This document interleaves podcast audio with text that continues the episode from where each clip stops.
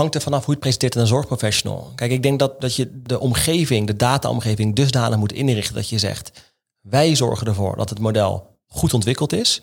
Wij zorgen ervoor dat het medisch ethisch mag. En dat de data goed is. En dat we de, de, de, het model, de power van het model blijven monitoren. Dus dat het model bijvoorbeeld niet gaat underperformen. Daar kunnen we zo misschien nog op terugkomen. Wij zorgen daarvoor. Het enige wat jij moet weten is of het veilig is om die patiënt te ontslaan, ja of nee. De Dataloog is de Nederlandstalige podcast over big data, data science, machine learning, kunstmatige intelligentie en de digitale transformatie. Luister naar onze wekelijkse podcasts, nieuwsupdates, specials en mini-colleges. Leuk dat je luistert naar deze special vanaf SAS Innovate Benelux. En we hebben al uh, verschillende opnames gehad vandaag. Maar we gaan het vandaag hebben over innovatie in de zorg hierin. Ja, en met hopelijk met data in de zorg. Dat lijkt me heel mooi. Niet dat het alleen het elektronisch patiëntendossier, maar laten we eens verder kijken dan, uh, dan dat. Ja, volgens mij is dat wel goed, want uh, bij ons aangeschoven zijn dokter Michel van Genderen, internist, intensivist en co-founder van de Data Hub bij het Erasmus MC. Michel, leuk dat je hier bent. Dankjewel voor de uitnodiging.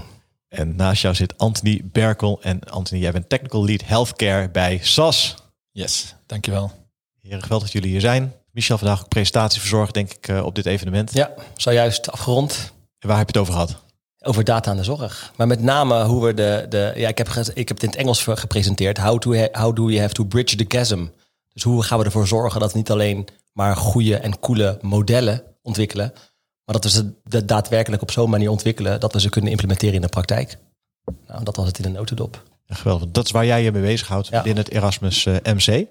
Laten we daar even beginnen. Wat, wat, wat is jouw achtergrond en hoe ben je in deze rol terechtgekomen? Ja, dus in mijn, in mijn dagelijkse werk ben ik intensivist. Dat uh, betekent dat ik uh, zorg draag voor de meest kritische zieke patiënten in het ziekenhuis. Nou, in, in, uh, in het ziekenhuis nemen ze dan op de, op de intensive care op. Dus dat is wat ik doe. Dat is altijd op de intensive care? Ja. Op de spoedeisende hulp? Ja.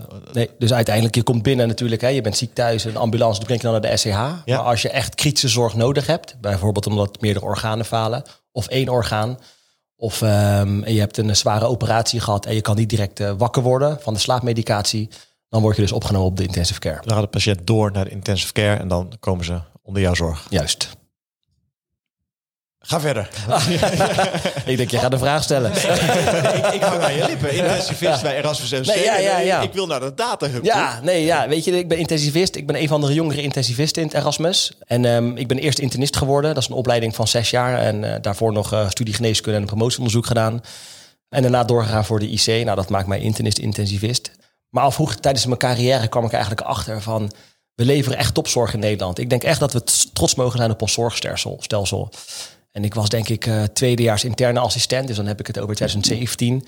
En toen kwam ik een patiënt tegen op de spoedeisende hulp. Nou, kritisch ziek opgenomen op de intensive care bij ons. Dat was toen een ander ziekenhuis. Daar heb ik zes weken voor haar gezorgd. Natuurlijk met een team van andere dokters en verpleegkundigen. En na zes weken overleefden ze het, weet je wel. En ik denk, nou, dit is het. Fantastisch. Ik heb het gemaakt. Topklus. Ja. ja. Toen heb ik ontslagen naar de afdeling. En een week later dan liep ik op de afdeling. En toen zag ik haar en riep ze zich bij me. En toen zei ze van... Uh, joh, Michel, uh, um, hoe gaat het met je? Bedankt dat je mijn leven hebt gered. Nou, uh, dus ik, ik vond me helemaal, helemaal trots. Toen zegt ze, maar weet je wat je me hebt aangedaan? Ik zei, nou, hoezo? Zegt ze, ja, ik kan niet meer slapen. Ik heb nachtmerries. Ik word wakker met angstzweet. Um, ik kan niet meer concentreren. Ik kan niet meer lopen. Ja, wat heb ik nou aan het leven? En toen realiseerde ik me van, man, maar daar gaat helemaal niet om. Het gaat erom dat we patiënten goed behandelen, maar dat we ze op zo'n manier ondersteunen dat ze ook met een goede kwaliteit van leven het ziekenhuis uitgaan. Die zorg gaat verder. Ja, eigenlijk ja, dan. Ja, dat, dat is de zorg van de toekomst. Het gaat niet, om, niet er alleen maar om dat je ernstige ziekte overleeft, maar dat je in zo'n staat terugkomt dat je weer op een snelle manier kan reintegreren in de maatschappij. En als je naar deze case kijkt, want je zegt, weet je wat je hebt aangedaan, dat wist je dus niet. Kun je dan terughalen wat jou, wat, waar jij je handelingen anders had kunnen doen, waarvan je zegt, hey, dat had ik beter kunnen doen, waardoor ik uh, dit niet had aangedaan? Ja, kijk, traditioneel zoeken wij natuurlijk oplossingen datgene wat we kennen. Ja. En ik denk dat we nu de brug naar data mooi kunnen maken. En dat, dus ik ging de literatuur in. En, en wat bleek, nou dat, dat posttraumatische stresssyndroom noemen we het dan. Hè? De, de symptomen die ik net omschreef, nachtmerries, depressieve gevoelens, angstaanvallen en nachtmerries. Dat was bij de PTSS. En we zien dat vaker dus bij patiënten na een langdurige intensive care opname. Nou, wat we doen in de geneeskunde, we zoeken het vaak in de traditionele oplossingen. Zoals meer, meer folders, meer, meer uitleg. Um, dat werd heel vaak gedaan, maar, maar eigenlijk leek tot dan toe niets te werken. Toen dacht ik, nou laten we iets wat anders doen. Toen keek ik in de literatuur. Toen kwam ik een studie tegen van, uh, van het Amerikaanse leger... waar ze virtual reality gebruikten om die patiënten dus beter te behandelen. Nou, lang verhaal kort, dan kom je in zo'n innovatieve wereld. En toen dacht ik, nou, volgens mij moeten wij die VR-bril ook omzetten... naar patiënten voor de IC. Nou, dat hebben we nu succesvol gedaan. Dat is ook een groot project binnen de Data Hub.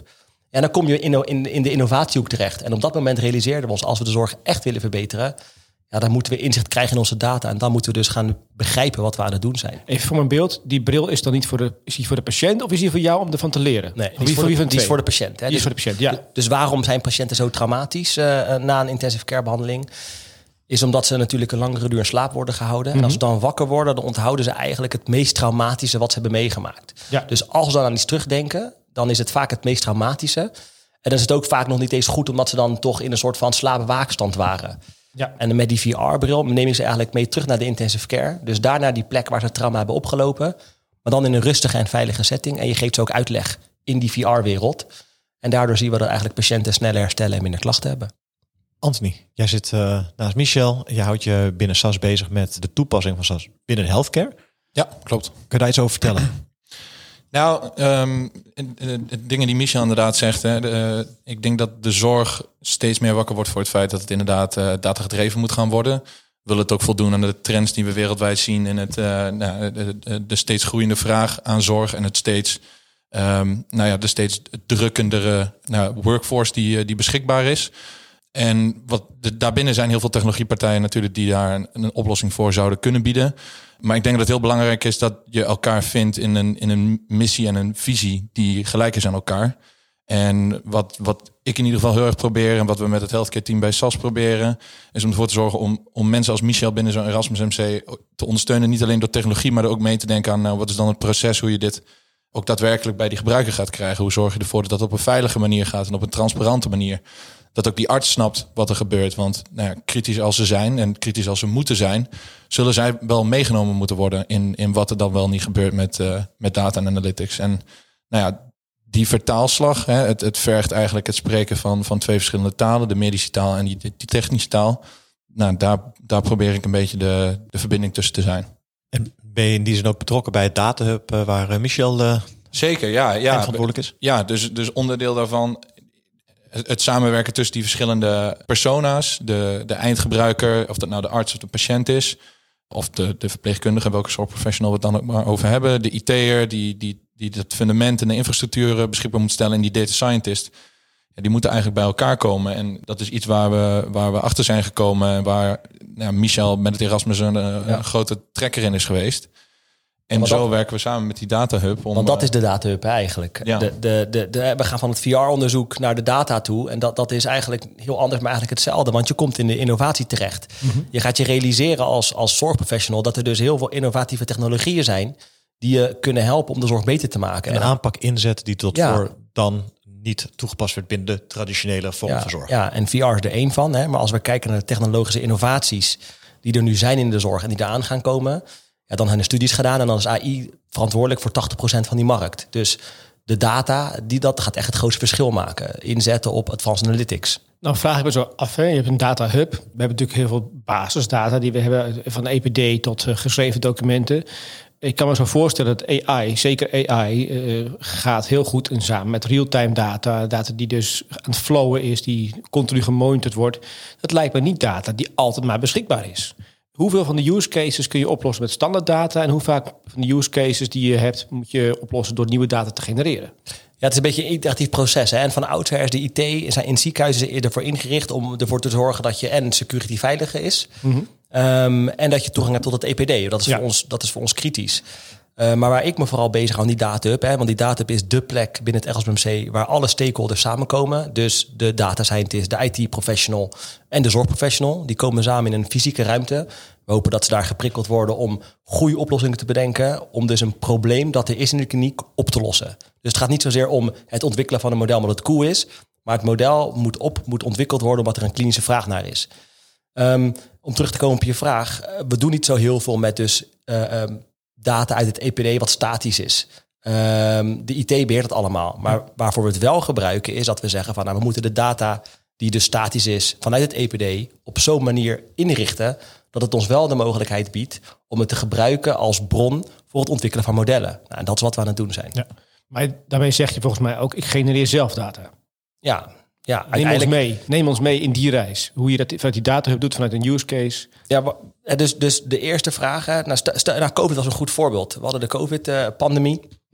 En wat we toen deden is, we moesten onze capaciteit van intensive care bedden enorm eh, upgraden. Van 60 bedden naar ongeveer 110, 120 bedden zijn we gegaan in zes weken tijd. Wat je dan krijgt, is dat er ehm, inzicht moet hebben in je data van wat is dat ziektebeeld, hoe gaat het met alle patiënten. Het is dus cruciaal om ervoor te zorgen dat die data op een uniforme manier wordt weggeschreven en dat het landt op één plek binnen het ziekenhuis wat toegankelijk is voor ons. Nou, dat is wat we als eerste hebben ingericht tijdens die COVID-crisis. We hebben gezegd, alle data van alle intensive care patiënten moet op een uniforme manier worden weggeschreven, moet op een server terecht kunnen, moet in een soort van ja, database worden ingeschreven, waar we er dus bij kunnen, maar waar we er ook onderzoek mee naar kunnen En doen. dan praat je over bloeddruk, hartslag. Gewoon alles wat je kunt Alle, monitoren. da- ja. alle, da- alle data die in het EPD zit. En ik denk dat dat ook wel een, een, een goede aanvulling daarop is. Hè. Wat jij ook zegt, je moet data genereren. En dat is in sommige gevallen is dat, is dat, is dat zeker noodzakelijk. Maar wat we hier vooral zagen was dat die data in, in vele mate al wel beschikbaar was. Mhm. Het gaat dan wel om goed integreren en ervoor zorgen dat het op de juiste manier dan ook beschikbaar komt. Want we hebben het hier over verzamelen van data. Niet zozeer het Verzamelen. produceren van synthetische data. Dat is niet wat we hier bedoelen. Hè? Zeker interessant en ook, ook zeker iets waar wij, waar wij het veel over hebben. Maar in deze use case specifiek Er is niet. ergens data en dat moet ergens in het systeem van de data. Er wordt gemonitord, we moesten opschalen. Dus zeker zat er ook een, een uitdaging daar. Maar het ging hier vooral om hoe gaan we nou die data dan wel, als we het eenmaal verzameld hebben, op een manier presenteren naar de mensen die ermee werken en die domeinexpertise hebben en die data ook op de juiste manier daar conclusies uit kunnen trekken. Ja, hoe gaan we dat doen op een manier dat dat voor hen ook werkt? Zijn dat collega-intensivisten dan die daarmee werken? Of zijn dat... Eigen- Eigenlijk eh, voor de COVID wel, maar nu zijn het eigenlijk alle andere collega's, dus dokters, verpleegkundigen, dat zijn uiteindelijk de eindgebruikers. Dus je moet, je moet bedenken van, je hebt een aantal stappen. En je zou zeggen van, nou, dat is wa- wat jij vroeg, hè, het is cruciaal om dus toegang te hebben tot je data en je data op een dusdanige manier te verzamelen en op te slaan. En het verzamelen doen we eigenlijk altijd bij het behandelen van een patiënt automatisch. Dat we erbij kunnen en dat we het zo doen dat we er eigenlijk wetenschap op kunnen bedrijven. Hè, maar dat is voor ons het belangrijkste. Ehm, dat is de tussenstap totdat het dan gepresenteerd wordt Ja. aan die eindgebruiker. ja, en da- dat is dus cruciaal. Hè? Want voordat je dat kan presenteren aan de eindgebruiker, is stap 0 is eigenlijk verzamel alle stakeholders. En als je dat hebt gedaan, dan moet je dat dus gaan presenteren aan de eindgebruikers. Ja, en wij geloven dus dat je dat in fases moet doen. Eh, levels. Levels 1 tot en met 4. Dus we zeggen van het eerste level dat je door moet, is dat je in staat moet zijn om, om de data te visualiseren aan de eindgebruiker omdat anders ook de stap te groot is. Hè. Dus voor, voor, bijvoorbeeld voor de COVID-patiënt hadden wij een, een dashboard draaien. En dan kon elke intensivist elke 15 minuten zien hoeveel patiënten lagen er. Wat waren de karakteristieken van de groep? Waren het mannen, vrouwen? Wat was de leeftijd, et cetera, et cetera. En dan neem je, mee, dan neem je mensen mee in die ontwikkeling en de interpretatie van die data. En als je dat dan op orde hebt, dan heb je automatisch ook de achterkant op orde. Dus de databronnen. Ja, dan kan je de stap maken naar het echt ontwikkelen van modellen die op dat dashboard kunnen draaien. En waarbij je dus bijvoorbeeld dingen kan voorspellen, zoals een veilig ontslag of een lage bloeddruk. Ja, dat veilig ontslag noem je hier als, eh, eh, als een toepassing. Eh, dat zetten jullie ook zo in ja, vanuit de datahub. Wat voor resultaat zie je daar nou van? Dus vo- voordat je dat model ontwikkelt, en daar, daar ben ik altijd streng op bij, omdat mijn, mijn doel is natuurlijk ervoor te zorgen dat we data op zo'n manier ontwikkelen en gebruiken dat de patiënt uiteindelijk beter van wordt. Dus we hebben gezegd, wij willen niet een model ontwikkelen omdat het cool is. Wij willen het op een dusdanige manier doen dat we het echt kunnen implementeren in de kliniek. En dat is waar het om gaat. Dus we hebben een model ontwikkeld in, intern, dus intern gevalideerd. We hebben het extern gevalideerd en nu maken we de stap naar de kliniek.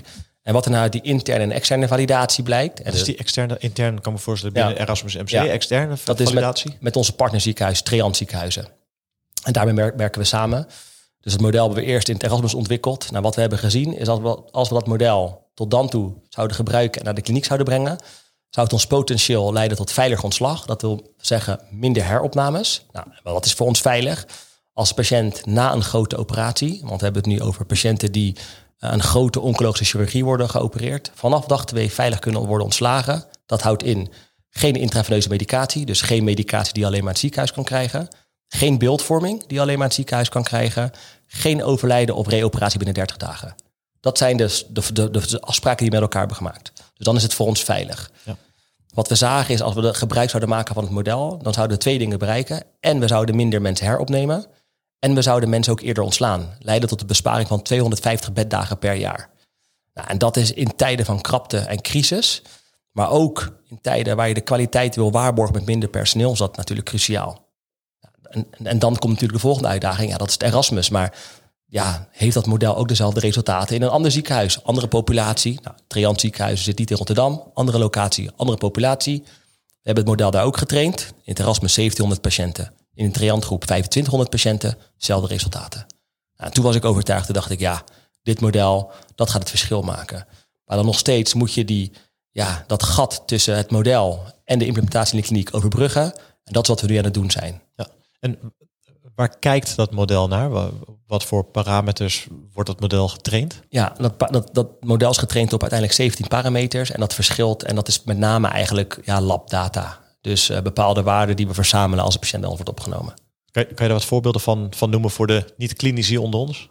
Uh, bijvoorbeeld, ja, bijvoorbeeld uh, um, um, of er een laag eiwit in zit. Um, of je leverchemiestoornissen hebt. Hè. Dus bijvoorbeeld, hè, je, je kan de, le de leverfuncties voor, voor de leek kan je meten aan, aan de hand van een aantal bloedwaarden. Daar heb je er vijf van. Nou, daar zit er een paar in het model. Ja. of je nier het goed doet, dat zit in het model. Nou, dus, dus al dat soort parameters hebben we verzameld. En het model heeft natuurlijk gewoon gekozen wat het beste was een van de feedback loops die je natuurlijk kunt krijgen, is dat iemand zich verbaast dat hij al zo snel ontslagen wordt. En dat idee dat hij dan in onzekerheid thuis zit. Eigenlijk dezelfde onzekerheid die je met die eerste casus ook noemde. Hou je daar rekening mee? Ja, want, want de, de, uiteindelijk, het, het, doel wat ik wil, is dat we dadelijk met een iPad of een telefoon langs een patiënt lopen. En dus gesteund worden door AI in onze beslissing. Of dat AI de beslissing voor ons gaat nemen. Um, als je aan patiënten vraagt, zeggen ze ja, tuurlijk wil ik eerder naar huis, mits het veilig is. Maar toch moet je dat wetenschappelijk bewijzen. Dus de mhm. studie die we nu doen gaat niet zozeer om het eindresultaat van het model. Dat we zeggen van nou zie je, dat model werkt real-time en performt hetzelfde. We kijken nu met name naar de andere factoren. En we noemen dat dan ook een simulatiestudie.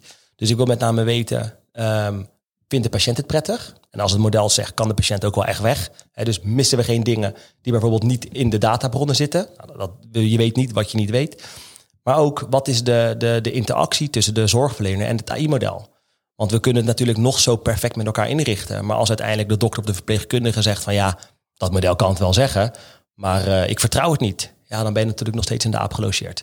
Dus dat is wat we nu proberen te doen. En ik denk dat als we antwoord hebben op wat vindt de patiënt, kan het en uh, vertrouwt de zorgverlener eigenlijk de data, ja, dan kunnen we echt toe naar een succesvolle implementatie. Meet je dat ook? Meet je ook wat eruit komt en wat de, de actie is die gedaan is? Ja. Dat je een soort van feedback loop op een leringssysteem heen maakt? Ja, dus we proberen eerst te verzamelen um, wat de uitgangspositie is mhm. van, uh, van de chirurg. Hè, want dit, is, doen we samen met de chirurgieafdeling en met, uh, met, met Kees Verhoeven samen. En dan meten we eerst van, wat is eigenlijk de nulmeting? Hoe kijken ze aan tussen AI, wat weten ze? Dan gaan we kijken wat ze doen. En daarna gaan we ook kijken van, oké, jij zou die patiënt misschien niet ontslaan of wel ontslaan. Als je nu de uitkomst van het model ziet, zou je beslissing heroverwegen. En zo gaan we natuurlijk een aantal studies doen om onze case te maken of het wel of niet veilig is om patiënten te ontslaan, maar ook om eigenlijk, want ik vermoed, de zorgprofessionals te overtuigen dat het zinvol kan zijn om AI te gebruiken in de kliniek. Anthony, nou eh, is SAS natuurlijk een partij die al gevestigde orde is in de medische wereld. Met ook al gecertificeerde algoritmes en alles erop en eraan. Hoeveel van de backbone van SAS kun je nou gebruiken in zo'n use case van, uh, van uh, Erasmus in dit geval? Ja, eigenlijk, eigenlijk end-to-end. -end, het, het, het begint vanaf die data die, die Michel net al benoemde. Vervolgens het trainen van het model. Um, um, waarbij nou ja, je daar ook nog uh, gebruik zou kunnen maken van open source bijvoorbeeld. Maar waar, we, waar het vooral heel erg interessant wordt, is het moment dat we nu inderdaad de simulatiestudies gaan doen. En uiteindelijk gaan implementeren. Want op dat moment hebben we een backbone nodig die ervoor kan zorgen dat een functionaliteit zoals jij die net noemt. Hè, het kunnen meten van wat er ook daadwerkelijk is gebeurd. Om zo ook de kwaliteit van dat model in productie te kunnen waarborgen. Ja, dat is iets essentieels. Wat natuurlijk in healthcare heel erg belangrijk is. We hebben niet, hier niet om een, uh, om een euro meer of minder verdienen. Nee, we hebben het over het veilige ontslag van een patiënt. En uh, daar zijn de medisch specialisten natuurlijk enorm kritisch op. Maar daar zijn wij ook enorm kritisch op. Want we willen wel erachter staan. we willen achter de, de projecten staan die we, die we aan het doen zijn op dit moment. Dus ik denk vooral daar, hè, in dat hele deployment stuk, het monitoren, waarborgen van die kwaliteit, transparant maken van wat er nou daadwerkelijk in die, in die AI gebeurt ja, dat zijn, dat zijn zaken waar we, waar we het SAS-platform voor kunnen gebruiken. En die data wordt uh, verzameld, uh, die moet geschoond worden, kwaliteit moet goed, moet beschikbaar gemaakt uh, worden. Ja. Um, kan, kan je ons meenemen in dat, in dat proces van oké, okay, wanneer komt die data beschikbaar voor het model? En kan je dan misschien ook iets vertellen over hoe dat model precies ontwikkeld is, wat voor mensen aan hebben gewerkt? Nou ja, ik, ik denk dat het interessant is om bij stil te staan dat als we software as a medical device ontwikkelen binnen de uh, binnen healthcare, hè, en daar, we hebben het daarover als dat echt impact maakt op, uh, op de diagnostiek of de behandeling van een patiënt, dan is het niet alleen maar het model wat je valideert, maar eigenlijk valideer je de hele pipeline end-to-end. Dus het data, vanaf het moment dat de data inderdaad beschikbaar komt als ruw datapunt, vanaf het moment dat het gemeten wordt, tot het moment dat het een, een intelligentie is wat gebruikt wordt voor een beslissing. Die hele pipeline zouden we moeten kunnen valideren en die moeten we kunnen auditen op het moment dat daar een regulating body naar vraagt. Dus je begint inderdaad, als die data binnenkomt, je moet dingen aan elkaar koppelen. Je checkt de kwaliteit inderdaad. Hè? Dus zo schoon je je data op. Je zorgt ervoor dat je outliers dan wel verklaard zijn. Dan wel dat je ze niet meeneemt. Um, op dat moment is er een opgeschoonde dataset, een analytical base table vaak, voornamelijk wanneer we het over het gestructureerde data hebben. En die analytical base table, dat is dan de input voor dat model om te trainen. En daar rollen een aantal variabelen uit. Vervolgens moet je daar natuurlijk goed je validatiestudies op doen. Eerst gewoon op je eigen eh, omgeving. Vervolgens uh, testend in de, in de daadwerkelijke wereld. En op het moment dat we dan een model hebben, converteren we het naar scorecode. Wat dat, dat daadwerkelijk gedeployed wordt en elke keer aangeroepen kan worden op het moment dat er een patiënt op de IC ligt en potentieel met ontslag kan. En op dat punt ben je dus niet meer eigenlijk met die, die analytical base table bezig. Je bent alleen maar bezig met het krijgen van de exacte punt, datapunten die het model nodig heeft om tot een score te komen. Om die naar het model te brengen en vervolgens de output uh, ergens te tonen. Michel, jij zei op een gegeven moment iets wat ik bij triggerde. Je zei, je weet niet wat je niet weet. Maar dan weet je dus ook niet of je voldoende data elementen hebt om dus de data te, uh, om het model te gaan maken. Hoe ga je met die spagaat om? Nou, nou, ik denk, we hebben natuurlijk de, de power van het model, model berekend met de, met de sensitiviteit en specificiteit. Dus in die zin denk ik, we hebben voldoende datapunten in de, in de zin van, uh, we hebben het getest op grote oncologische chirurgie en we doen er 600 per jaar. En we hebben de data getraind op 1700 en 1500 patiënten. Dus uh, wij doen dan de aanname dat de groep voldoende groot is naar gelang van wat we opereren. Maar je zegt, je hebt nu 17 uh, inputparameters en deze accuracy. Maar als ik dus twee parameters toegevoegd had, die ik nu niet weet, want ik weet ze niet, had ik een twee maal zo hoge accuracy kunnen hebben. Of misschien nog een, nog een stapje hoger. Hoe ga je, dat, hoe ga je die spagaat doen? Run je meer algoritmes? Ga je meer zoeken? Wat, wat doe je? Nou ja, misschien twee punten goed om hier te noemen. Hè. Ik denk in eerste instantie, het belangrijkste is dat we moeten blijven focussen op het oplossen van een klinisch probleem. En op het moment dat wij een model weten te maken die beter weet te voorspellen of een patiënt in dit geval veilig met ontslag kan, dan wanneer we dat op dit moment doen en we kunnen dat op een goede manier aantonen en verantwoordelijk in productie nemen, dan is dat al een stap die we kunnen maken en die het al beter zal gaan doen. Ja. Ongeacht het feit of er potentieel, en hopelijk is die er nog, het potentieel het nog beter kunnen doen. Als we inderdaad vinden dat we nog niet ver genoeg zijn, dan kom je in een soort iteratief proces. Hè, dan ga je inderdaad, het is trial and error. Je moet heel snel die, die, die ontwikkelcycli door kunnen. Ik heb mijn data, ik schoon het op, combineer het, run een model, misschien meerdere modellen tegen elkaar in een tournament. Ben ik dan nog niet tevreden met de performance van welk model dan ook? Dan moet ik misschien weer terug naar mijn data en kijken, kan ik daar nog nieuwe dingen in doen? Kan ik zaken nog combineren? Dus totdat we uiteindelijk ergens komen waarbij we die business vraagstuk, hè, dan dit klinische probleem, beter kunnen oplossen dan dat het op dit moment uh, gaat. Ja, want kijk, het model is nu ontwikkeld op dag 2. Dus het is een statisch model, vind ik. Uh, dus zeggen we nou, we gebruiken het op dag 2 en dan gaan we de voorspelling maken, omdat we dan weten dat het vanuit klinisch oogpunt zinvol is. Uh, maar voor, voor hetzelfde geld is het wel is een dynamisch model beter. Want als het model zegt je kan niet ontslagen worden, misschien kun je het model dan wel gebruiken op dag drie of vier. Ja, is het dan hetzelfde model? Geen idee. Misschien gaan we dan wel andere parameters gebruiken. Dus, en, dat is, en dat is natuurlijk het wetenschappelijke fundament wat we eraan willen geven. En wat onze onderzoeksmind triggert om deze vraag uiteindelijk op te lossen. En dat neem je mee in je implementatieprocedure ook? Ja, hoe ga je daar om met de mensen, met de stakeholders om je heen? Want jij, bent de, jij hebt er vertrouwen in, jij bent de expert. En dan om je heen zoek je zo'n club van mensen die zeggen... ja, ik wil hierin meegaan. En tegelijkertijd besef ik me, dit kan een 1.0 model zijn... daar komt nog een 2.0 model aan. Dat lijkt mij voor een zorgomgeving best wel een spannende exercitie. Ja, als je de zorg, het, hangt er vanaf hoe je het presenteert, presenteert een zorgprofessional. Kijk, ik denk dat, dat je, dat je de, de, de, de omgeving, de dataomgeving, dusdanig moet inrichten dat je zegt: wij zorgen ervoor dat het model goed ontwikkeld is. Wij zorgen ervoor dat het medisch ethisch mag. En dat de data goed is en dat we de, de, het model, de power van het model blijven monitoren. Dus dat het model bijvoorbeeld niet gaat underperformen. Daar kunnen we zo misschien nog op terugkomen. Wij zorgen daarvoor. Het enige wat jij moet weten is of het veilig is om die patiënt te ontslaan, ja of nee. Dat is stap 1. En daarnaast moeten we denk ik de zorgverleners gaan trainen om modelleren, data en AI te gebruiken. Wat zijn de potentiële gevaren? Wat zijn de ethische overwegingen om het te doen? Wat, wat zou een overweging zijn om een model te overroelen, ja of nee? Kijk, de vraag is of je zorgverleners echt moet meenemen, is dat ze de hele backbone van de data begrijpen. Ik denk het niet. Maar ik denk wel dat je ze tools moet geven om die data te kunnen interpreteren. En dat, is dat zijn de volgende stappen die we moeten maken. Je noemde net uh, dat het toezicht houden ook op het model. Uh, je hebt eerder uitgelegd van we hebben het intern getoetst, extern getoetst.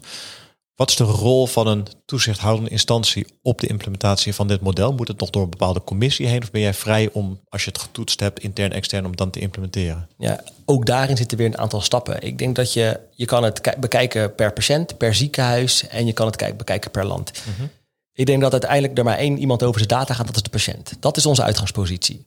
Zijn, is de regelgeving er al om echt met slimme data aan de gang te gaan? Dat, dat gaat over het gebruik van data, maar je neemt ook een beslissing op basis van, van het model. Ja, hoe moeten we daarmee omgaan? Dat is de hamvraag. Dus in, in ons ziekenhuis, het Erasmus, proberen we, we gaan, we gaan een databord starten om met dit soort vragen om te kunnen gaan. Hè? Want wat je ziet, het, wat, wat, wat, uh, wat Anthony zei, het is een iteratief proces. Dus ook dit soort vragen komen dan op. Um, en wat wel, wat wel goed is om hier aan toe te voegen, is dat uiteindelijk is dit model nog een datapunt wat een arts tot zich neemt om tot een beslissing te komen. De arts neemt de beslissing.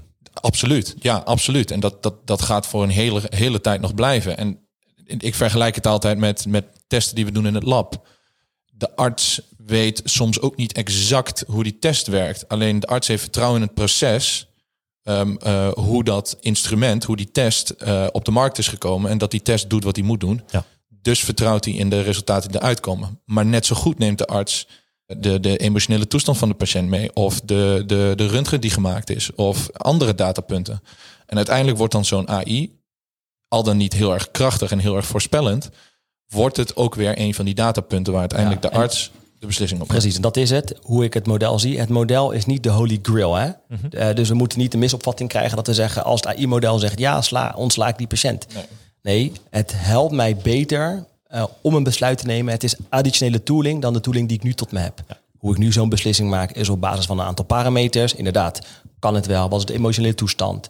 Kan het qua labwaarde bijvoorbeeld. um, en dat AI-model, dat geeft me misschien een extra steuntje in de rug om een nog betere beslissing te nemen. En dat, dat is hoe we het moeten zien. Nou, wat mij betreft is ja, dat heel helder verhaal. Wat ik me nog dan toch nog afvraag is um, in dat proces, de, er is een model, op basis daarvan maakt een arts een beslissing. Um, kan elk model zomaar een arts bereiken en in zijn toolset een plek uh, krijgen? Of, of, dat, moet een bad stempel opgedrukt worden van ja, dit is nu goedgekeurd? Of, of is dan de, de test die je hebt gedaan, is dat voldoende? Het, ligt er inderdaad aan, er zit toch weer een, de, de, de, de MDR en alle eh, approaches die we, die we nu bedenken om uh, op een wetenschappelijk gegronde manier AI te en analytics te maken in een medische setting. Dat, dat is nog steeds in ontwikkeling. Er zijn steeds duidelijke richtlijnen. De, de, de details moet je mij ook even, even schuldig. Uh, dat gebied is in ontwikkeling, begrijp ik, als ik het zo. Richtlijnen, approaches, processen, die zijn zeker, die zijn zeker in ontwikkeling. Maar uh, ik weet wel dat, dat, dat um, uh, de MDR toch al redelijk wat um, richtlijnen en toetsen geeft. Um, waar je aan moet voldoen voordat je een AI daadwerkelijk mag ja, gaan Misschien, misschien is het goed voor, voor het besef. Hè? We hebben een studie gedaan en we moeten ons realiseren dat 98% van de modellen die nu worden ontwikkeld, eigenlijk blijft in het prototype en de ontwikkelingsfase. Ja, Dus als we denken van, oh, hoe hebben die gasten nog niet eh, geïmplementeerd at bedside? Omdat we gewoonweg een van de eerste van de wereld zijn. Um, en dat betekent dat we uh, voor ons centrum uh, regelgeving moeten ontwikkelen. Hè? Dus ik wil graag dat iedereen hetzelfde doet om uh, het fundament te, te, te verstevigen. maar ook op nationaal niveau zullen we afspraken moeten maken. Want als dat model uh, een patiënt kan ontslaan en mij, um, mij, mij daarmee helpt om een betere keuze te maken voor de intensive care patiënt. Maar die intensive care patiënt kan geen toestemming geven voor het gebruik van data. Dat is nu een belemmering. En hoe gaan we daar dan mee om? Ja. Dus er zijn gewoon nog echt een aantal praktische zaken die we moeten oplossen. Voordat we uh, klinisch um, op een goede, veilige manier data geïmplementeerd krijgen. Je bent echt aan het pionieren wat dat betreft. Ja, ik denk eh, eigenlijk niet, maar, maar, maar, ergens ook weer wel. Ehm, ja, dat, dat, is, denk, dat is soms lastig om van jezelf innovatie, toch? Ja, dat, maar dat is lastig om van jezelf te zeggen. Maar we zijn wel echt aan het innoveren. Ehm, bijvoorbeeld ook met de, de governance van, van de data. Dus we zeggen van nou, we- het lukt ons om een model te krijgen. Maar we moeten er wel voor zorgen dat het model blijft performen. Dat willen we. Eh, SAS helpt ons daarbij. Maar hoe gaan we dat vormgeven in ons ziekenhuis? En de datahub is de plek waar iedereen samenkomt. Maar moet de datahub dan ook over die, over, over die, die veiligheid gaan? Of is dat meer een plek voor onze groep Data Analytics... die over andere, alle andere vraagstukken gaan in ons ziekenhuis? Eh, ook daarin zijn we met elkaar in gesprek van waar moet het dan landen? En hoe moet het monitoren? Moeten we dat elke dag doen, elke minuut? Moet iemand 24 uur per dag zitten? Hoe, ehm, ehm, wat moet de BIF-classificatie van die database zijn? Ehm, dat soort vragen komen nu allemaal op. Dus het is, het is eh, ook een beetje learning by doing. En terugkomend dan op jouw vraag. Ehm, je, noemde net al een aantal vragen die zeker gesteld worden, maar die, die ook maar aangeven hoe elke use case weer anders is en elk project weer anders is. Dus elk project zal weer aan andere eh, eh, richtlijnen moeten voldoen. eh, waarbij CE-certificeringen wel of niet nodig zijn, omdat je het intern wellicht ontwikkeld hebt. Nou, er zijn allemaal verschillende perspectieven. Maar het tweede deel van jouw vraag, moet een arts het overal kunnen gaan gebruiken? Ja, 100%. En dat is een, een heel belangrijk iets wat we, wat we ook in onze gedachten moeten houden. Het gaat uiteindelijk ook om die adoptie van die AI, hoe wetenschappelijk en technologisch vernuft hij wel niet is. Uiteindelijk moet een arts het gaan gebruiken en dat gaat niet gebeuren op het moment dat we weer met een nieuwe applicatie komen, weer met een nieuw schermpje wat geopend moet worden. Dus daarom is die integratie in die werkprocessen zo belangrijk. En daarom is het ook zo belangrijk om al die eh, medische specialisten al zo vroeg te betrekken in het, in het, eh, in het proces. Zodat zij al hun perspectieven kunnen geven op dit is de manier hoe ik graag werk. Dit zijn de interfaces die ik daarin gebruik. Het beste zou mij het uitkomen wanneer we het hier krijgen op dit moment eh, eh, met deze data. Ja, en, en, wat, en wat denk ik het grootste verschil gaat maken, en daar zijn we denk ik nog niet zo heel goed in in de gezondheidszorg, maar dat is echt samenwerken. We hebben een datahub, eh, fantastisch, maar we zijn er nog lang niet. En, we zijn een heel groot ziekenhuis, het Erasmus MC. Maar ik denk als we echt de massa willen gaan bereiken, gaan bereiken, dan moeten we in ieder geval met alle universitaire ziekenhuizen gaan samenwerken. Eh, regionaal, maar bijvoorbeeld ook zo'n samenwerking met de Triantgroep. Die is cruciaal geweest voor onze ontwikkeling. We hebben dat model daar extern getraind in drie maanden. Ja, dat is, dat is insane. Ehm, dus ik denk, als we het hebben over pionieren en innoveren en echt het, het volledig gebruik maken van data en die stap willen maken naar de kliniek, dat de verpleegkundige of de dokter at bedside besluiten gaat nemen op basis van de extra informatie die ze krijgen van de data. En mind you, zij of hij blijft eindverantwoordelijk. Ja, dan, dan moeten we dat gewoon landelijk gaan organiseren. En dat, dat is denk ik eh, waar we over vijf of tot tien jaar eh, moeten willen zijn. Dat klonk bijna als een pleidooi. we, we hebben gekeken naar eh, dat proces end-to-end. Heb je uitgelegd hoe dat werkt, Anthony. We hebben gekeken naar at bedside, waar de eindgebruiker toegang heeft tot het model. Ik ben zo benieuwd naar dat model zelf. Wie, wie hebben dat ontwikkeld? Hele knappe koppen bij de Data Hub. Ja, Hè? ja. Wat zijn dat, wat zijn dat voor mensen? Zijn dat mensen van de Erasmus MC? Zitten daar externe bij? Ja, dat, Eh, ook weer, ook weer, dat is ook weer zo gelopen. Dat is fantastisch. We, hebben, we, we, hebben- we werken samen met het Erasmus MC vanuit de Convergentie. Dat is de TU Delft. En met de afdeling Computer Science hebben we daar een samenwerking gestart vanuit de Data Hub. Ehm, ehm, daar, daarmee hebben we nu één gedeelte promovendus. Ehm, dus nou, technische achtergrond. We krijgen nu een, eh, een, eh, een econometriste eh, aan de slag per 1 november. Die ons gaat helpen met de data. Ehm, maar we hebben ook een geneeskundestudent die bij ons promoveert. Hij is de, toevallig degene die dus met de voltallige andere groep dat model heeft ontwikkeld. En zo heb je allemaal verschillende disciplines. Ehm, maar we hebben ook data scientisten eh, die bij ons gewoon in, bij het ziekenhuis in dienst zijn. Ehm, we hebben managers die meedenken over de processen. Dus er zijn allemaal mensen die erbij betrokken zijn. Mensen van de medische technologie. Of we wel voldoen aan de, aan de, aan de GDPR en de CE-markeringen. Eh, mensen vanuit het medisch-ethisch perspectief. Onze medisch ethicus, Erwin Compagne, denkt hierover mee. Dus je ziet, omdat het zo'n nieuw veld is, probeer je met zoveel mogelijk rekening te houden. Ehm, dus het is, het is een hele gemeleerde groep, wat leidt tot eh, hele leuke discussies en goede innovaties. En aan die ontwikkelaarkant, dat is nog wel een, een interessant te noemen. We zitten dus inderdaad met, met echte data scientists, die, die ook daarin opgeleid zijn. Die hebben dus een technische achtergrond. De geneeskundestudent had geen technische achtergrond, maar heeft natuurlijk wel enorm veel domeinkennis. En ondersteund door de juiste technologie, heeft die geneeskundestudent, die PhD aan het doen is, samen met die data scientist kunnen werken aan een model die voor beide inzichtelijk was. En die voor beide eh, hout sneed. En op die manier hebben we snel dat model kunnen ontwikkelen en hebben we snel ook domeinkennis weten toe te voegen. Ehm, zodat we wisten dat de modellen die we maakten ook daadwerkelijk wat eh, een goede voorspellende waarde hadden. Ja, dat is Davy van der Zande, de PhD. Ehm, en en waar, waar hij met zijn PhD zich op focust, is hoe kunnen we een idee dusdanig ondersteunen door AI. Hè, dus oftewel een probleem. Hoe kunnen we een model daarvoor ontwikkelen en hoe kunnen we dat uiteindelijk implementeren in de kliniek. Dus heel die, en we hebben heel, heel, die, die, die, heel die stappenplan hè, van gedachte, probleem, ontwikkeling naar implementatie, die proberen we terug te laten komen in zijn proefschrift. Als nou een klein stukje vooruit kijken, zeg 12 maanden, 18 maanden in de toekomst, waar hoop je dan te staan met de datatoepassingen binnen het Erasmus MC? Tweeledig. Ik denk dat we een proces hebben ingericht dat we ervoor zorgen dat we allemaal op dezelfde manier gaan werken met data, zodat we de kans op succesvolle implementatie maximaliseren. Um, en dat we het niet over één model kunnen hebben, bijvoorbeeld nu het veilige grondslag voor de chirurgiepatiënten, maar dat, kunnen we, dat we het kunnen hebben over 10 of 20 modellen die de zorggebruiker uiteindelijk ondersteunt. En wat is er voor nodig om daar te komen?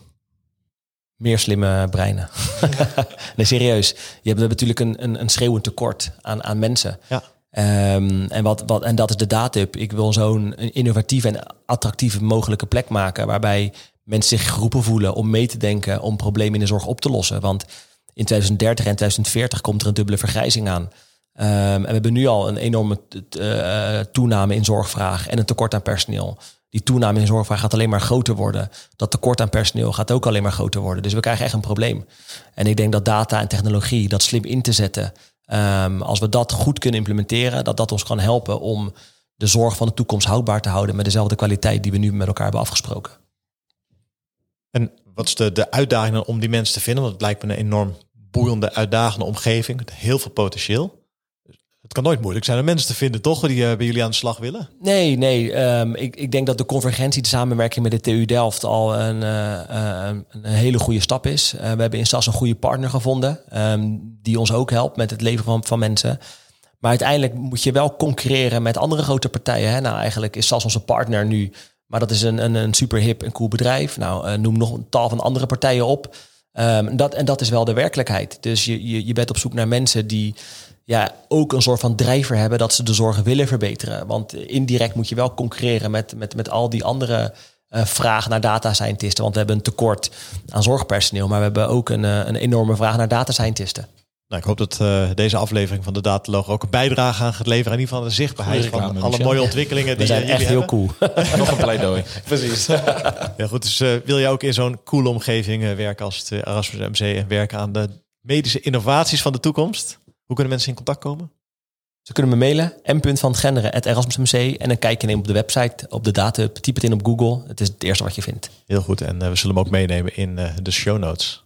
Dankjewel. Michel, Anthony, dank voor het delen van uh, jullie inzichten. Ja, jij bedankt. En heel veel succes. Dank voor de uitnodiging. Dankjewel. Bedankt voor het luisteren naar deze uitzending van de Dataloog. Vond je onze podcast leuk, goed, interessant of wellicht te veel ene en nullen? Laat een review achter of geef thumbs up. Heb je vragen of opmerkingen? Kijk dan ook eens op www.dedataloog.nl. Hier staan ook de show notes van alle uitzendingen. Je vindt onze nieuwe uitzendingen wekelijks op iTunes, Stitcher, Spotify en alle andere bekende podcastplatforms. Alles wat wij maken doen we onder Creative Commons. Je mag alles hergebruiken voor niet-commerciële doeleinden, zolang je ons als bron maar noemt. Volg ons op Twitter op @dedataloog. Graag tot de volgende keer.